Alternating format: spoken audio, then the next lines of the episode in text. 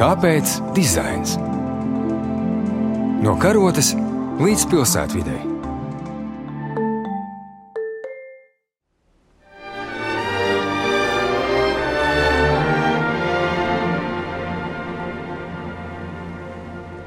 Tūkstoš 930. gadā izdotā grāmatā Modernieks Jūlijas raksti atmiņās par Parīzes dekoratīvās mākslas izstādi 1928. gadā viņa laika biedri raksta. Šeit izstādītās īpatnējā kolorītā ietvertās skices liecina, ka modernieks ir īsts meistars laustu līniju kompozīcijā. Nākdams no Latvijas tautiskā ornamenta, viņš aizsteidzas tagadējā modernistu stilam jau 25 gadus priekšā, ko vēl daudzi meklē, viņš jau sen parādījis.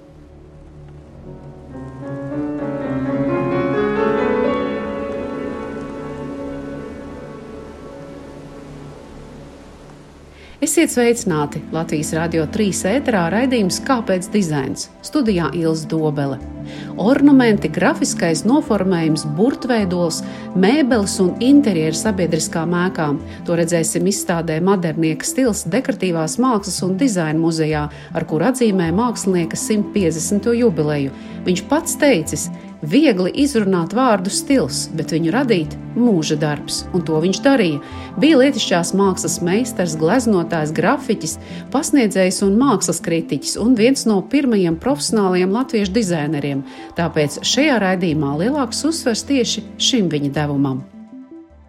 Šobrīd es atrodos Dekoratīvās mākslas un dizaina muzejā un esmu satikusies ar muzeja vadītāju Inesu Baranovsku. Un Ines, lūdzu, pastāstiet par šīs izstādes ieceri. Manuprāt, tiešām ir ļoti svarīgi atskatīties uz simts gadu pagātni un domāt par eh, mūsu Latvijas dizaina pirmsākumiem. Par to ir stāsts arī mūsu muzeja patstāvīgajā ekspozīcijā, bet tikai tur ir tādi fragmentāri uzplaiksnījumi. Un īstenībā mūsu muzejs vienmēr ir pievērsies arī šīm ļoti nopietnējām pētnieciskajām izstādēm. Gan izdevums veltīts Ansim Cīrulim, tātad izstāde jau stipri sen 2008. gadā, pēc tam izstāde veltīta Romanam Sutam. Un šobrīd tātad trešais varonis, un tas ir Jūlijas Madernieks. Es viņu sauktu visus nosauktos par multimāksliniekiem. Viņi tiešām strādāja ļoti dažādos mēdījos un ārkārtīgi universāli skatījās un nedalīja dizainu no dekoratīvu lietišķās mākslas vai tēlotāju mākslas. Viņiem bija tāds vienots skats, un viņi bija arī Latvijas patrioti, kas ir ļoti svarīgi. Tādēļ tagad ir pienākusi kārta Jūlijam Maderniekam pētniekam, kura vārdu mēs visi esam dzirdējuši, bet vai mēs tiešām zinām, kas ir Jūlijas modernieks? Nu, manuprāt, daudziem būs jauna atklājuma šajā izstādē. Kas ir šie jaunatklājumi jūsuprāt? Pirmkārt, es gribētu teikt lielu, lielu Paldies mūsu muzeja krājuma darba glabātājai un pētniecei Rūtai Rinkai, jo viņa ir šīs izstādes kuratora un viņa speciālitāte ir starpkaru perioda Latvijas dekoratīva lietišķā māksla un dizains. Tātad šī izstāde ir rūtas pētniecības un zinātniskās pētniecības rezultāts, bet eh, tādā kopumā man vislielākais pārsteigums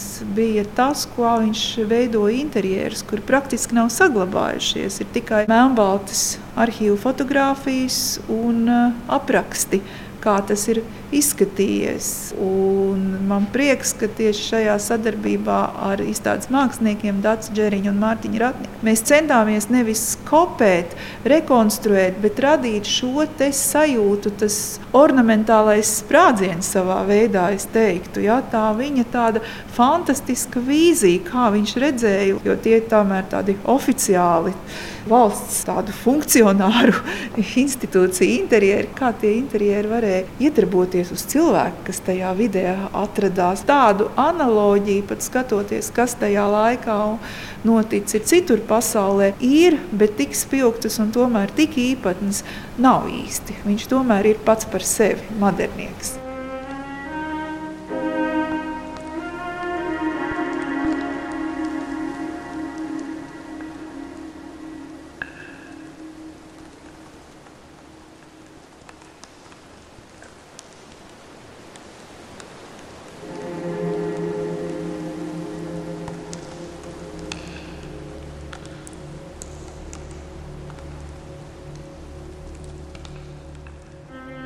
Jau dzirdējāt, un arī raidījuma turpinājumā vēl ieskanēsies izstādi pavadošajā skaņu kompozīcijā interpretētie fragmenti no komponista Alfrēda Kalniņa Jūlija Maderniekam veltītajiem skaņdarbiem Rudens un Elēģija.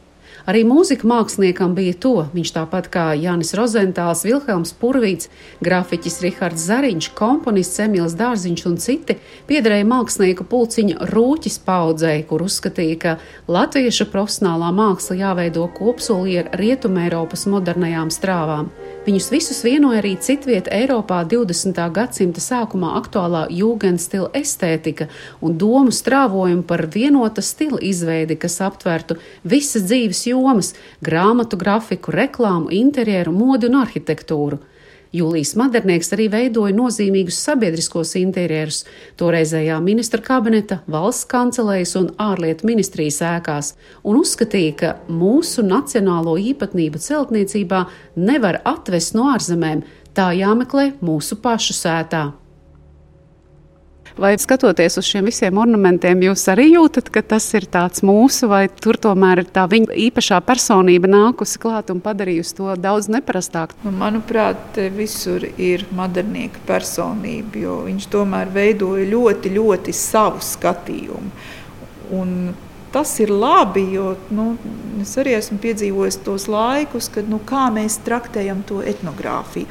Kaut kā ļoti pareizi, akadēmiski, bet īstenībā etnogrāfija tas ir kaut kāds tāds dzīves materiāls un nedrīkst uz viņu skatīties kā uz kaut kādu kapsulu laika bez nekā. Nu, tur ir gan kaut kas bijis pirms tam, gan notiek šīs nemitīgas metamorfozes un mutācijas. Viņš uz visām lietām skatījās ļoti, ļoti personiski. Viņš Viņš bija pedagogs, bet viņš nebija akadēmiskais pasniedzējs. Nu, viņam bija sava studija, Ansis Cīrulis ir viņa skolnieks. Kā viņš mācīja savus audzēkņus, nevis kaut ko akadēmiski kopēt, bet iemācīties redzēt, saskatīt. Izstādes telpā, vēl strādājot pie tās iekārtojuma, ir arī mākslinieca Dace Džeriņa un grafikas dizainers Mārtiņš Ratniks.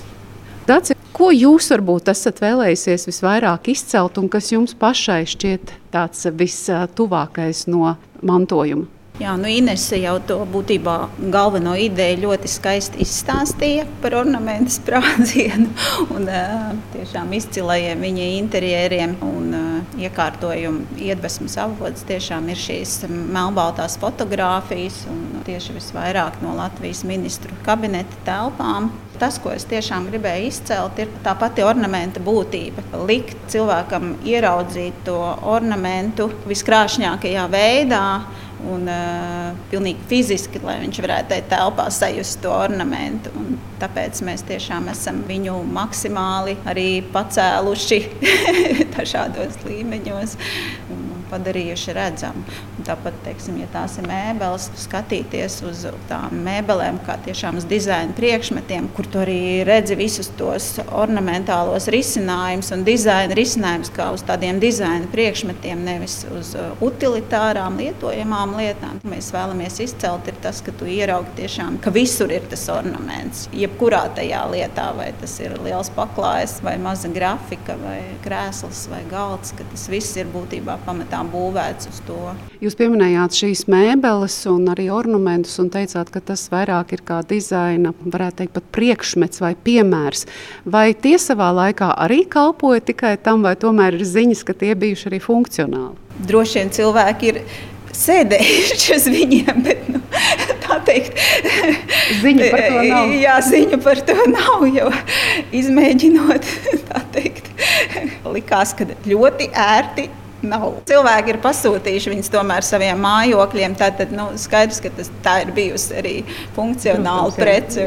Es domāju, ka tomēr ir arī īpaši tā sajūta, ja tu sēdi pie izcila dizaina rakstāma galda vai īpašā krēslā, vai tev ir tāds galds. Jūs arī pieminējāt šos ornamentus, ko mēs šeit stilizētu varam redzēt, un kā savukārt Jūlijas Modernieks ir eh, visvairāk ietekmējies. Es teiktu, ka viņam nebija tādas robežas. Ja viņš sevi nebremzēja.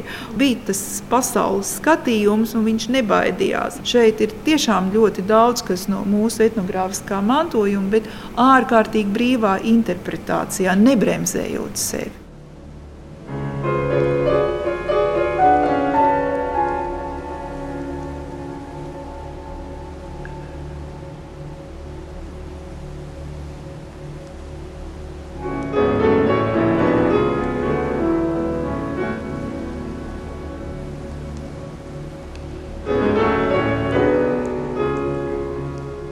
Mārtiņ, jums es gribētu jautāt, kā grafikas dizainerim, ko jūs saskatāt tādu mantojumu no modernieka paveiktā? Uz to man grūti atbildēt. Strādājot pie šīs izstādes, man nācās modernieka sakarā interesantas lietas atklāt. Un viena no tām ir no tāda mākslas vēstures viedokļa arī, ka viņš savā dzīves laikā bija tāds populārs autors. Tagad, skatoties pēc simts gadiem uz viņu darbiem, šķiet, ka viņa darbos arī ir tas potenciāls būt populāram arī šobrīd. Jo, ja iepriekš par viņa mantojumu man bija tāds priekšstats, nu, ka viņš ir mazliet tāds naivs savā izpausmēs, nu, tur kaut kādi modernie raksti.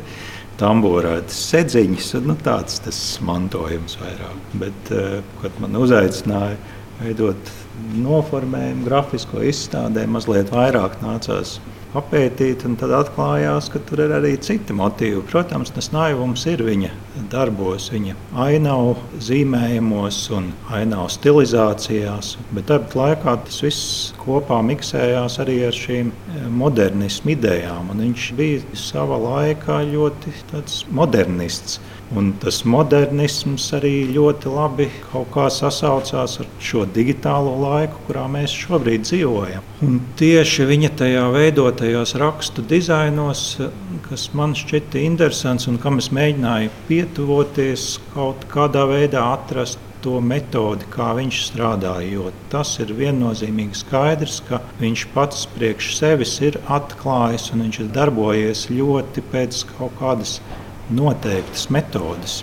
Un skaidrs, tas pirmais brīdis virspusēji redzot, ir šie pikseļi vai rūtiņas vai visi zīmējumi, kas ir zīmēti uz šī striktā, regulārā rūtiņa tīkla.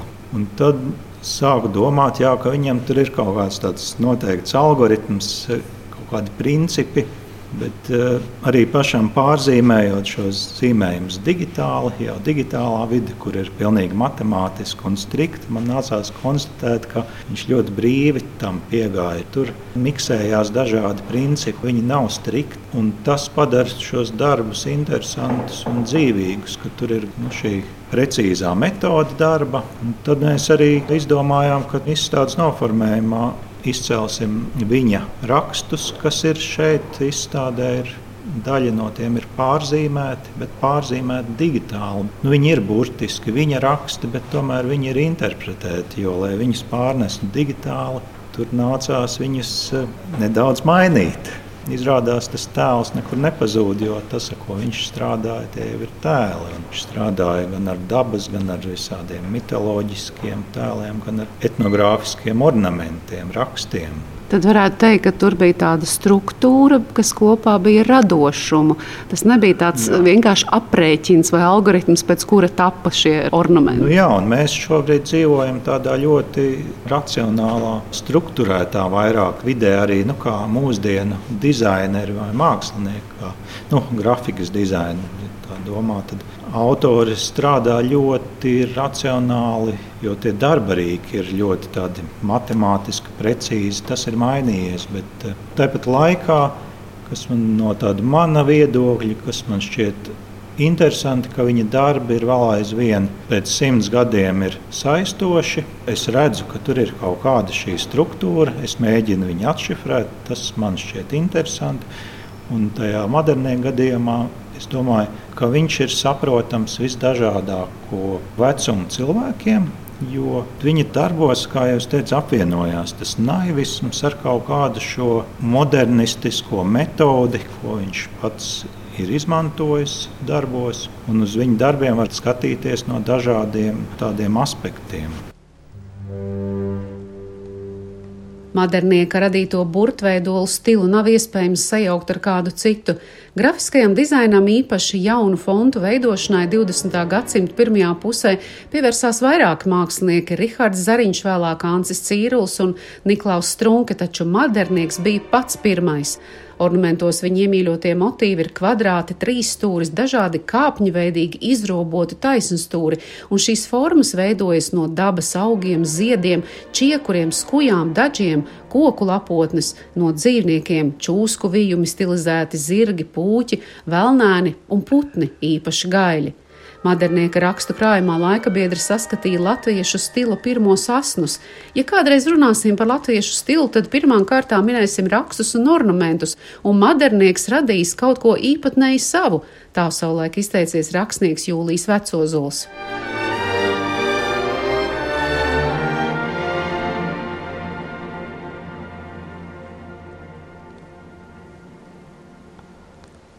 Jūs eh, arī visi strādājat pie šīs izstādes. Eh, visticamāk, esat vienojušies par izstādes nosaukumu, un izstādes nosaukums ir modernieka stils. Kā jūs raksturotu modernieka stilu? Mēs muzejā jau strādājam pie pētniecības, un uh, izstādes kuratorē Rūtai Rinkai es teicu, nu, ļoti muļķīgi izstādi nosaukt Jūlijam Moderniekam 150. Un es saku, Rūta, izdomā kādu nosaukumu. Un Rūta domāja un atnāca pie manis ar uh, modernieka citātu. Un šis izstādes nosaukums - modernieka stils. Tā tad ir izstādes apakšvirsraksts par to, ka stilu radīt ir mūža darbs, moderniekam ir stils. Man šis nosaukums transformē viņu par modernieku metodi. Jo, nu, to viņa stilu es saprotu īstenībā kā noteikti darbības metode. Bet vai tu vari atšifrēt? Nē, man tas neizdevās. Es, jā, man no sākuma šķita, ka, jā, ka rūtiņa zīmējumos tur būs kaut kāda. Jo vienā brīdī man šķita, ka, jā, ka viņam ir divu veidu tas tīklojums bijis tāds rupjāks un tad smalkāks. Nu, katra rūtiņa trijās vēl,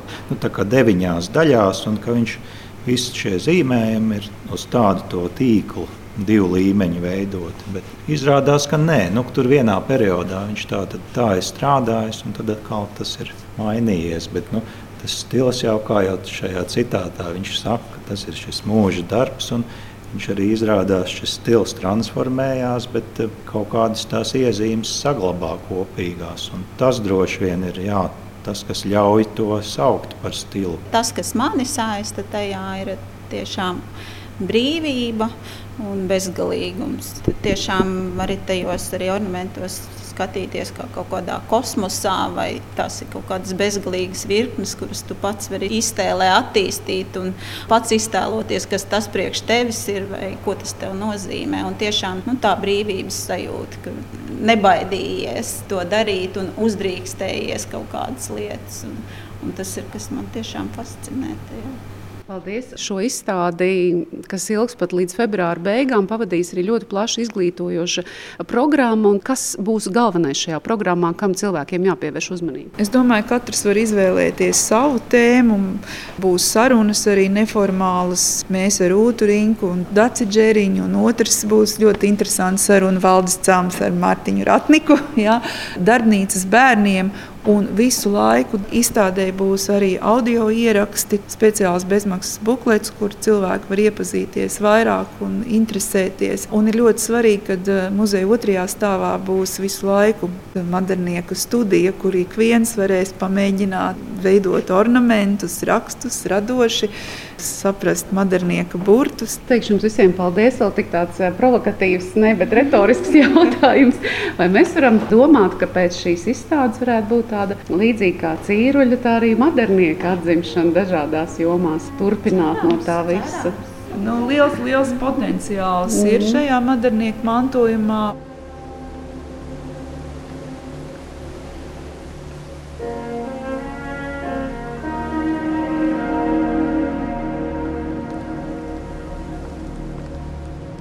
Maternieks ieaudzis savā stilā, kā latviešu raksts ieaudzis viņā, tā par viņu izteicās līdzgaitnieki. Ko izstādē redzēsim mēs, laikā, kad tā apskatāma līdz nākamā gada februāra beigām? Raidījums izskanējis. Paldies Kultūra Kapitāla fondam par atbalstu tā veidošanā. Raidījums skaņu montēja Judita Bērziņa, to veidoja Ilza Dobele. Klausieties mūs arī savā podkāstu aplikācijā. Uz tikšanos!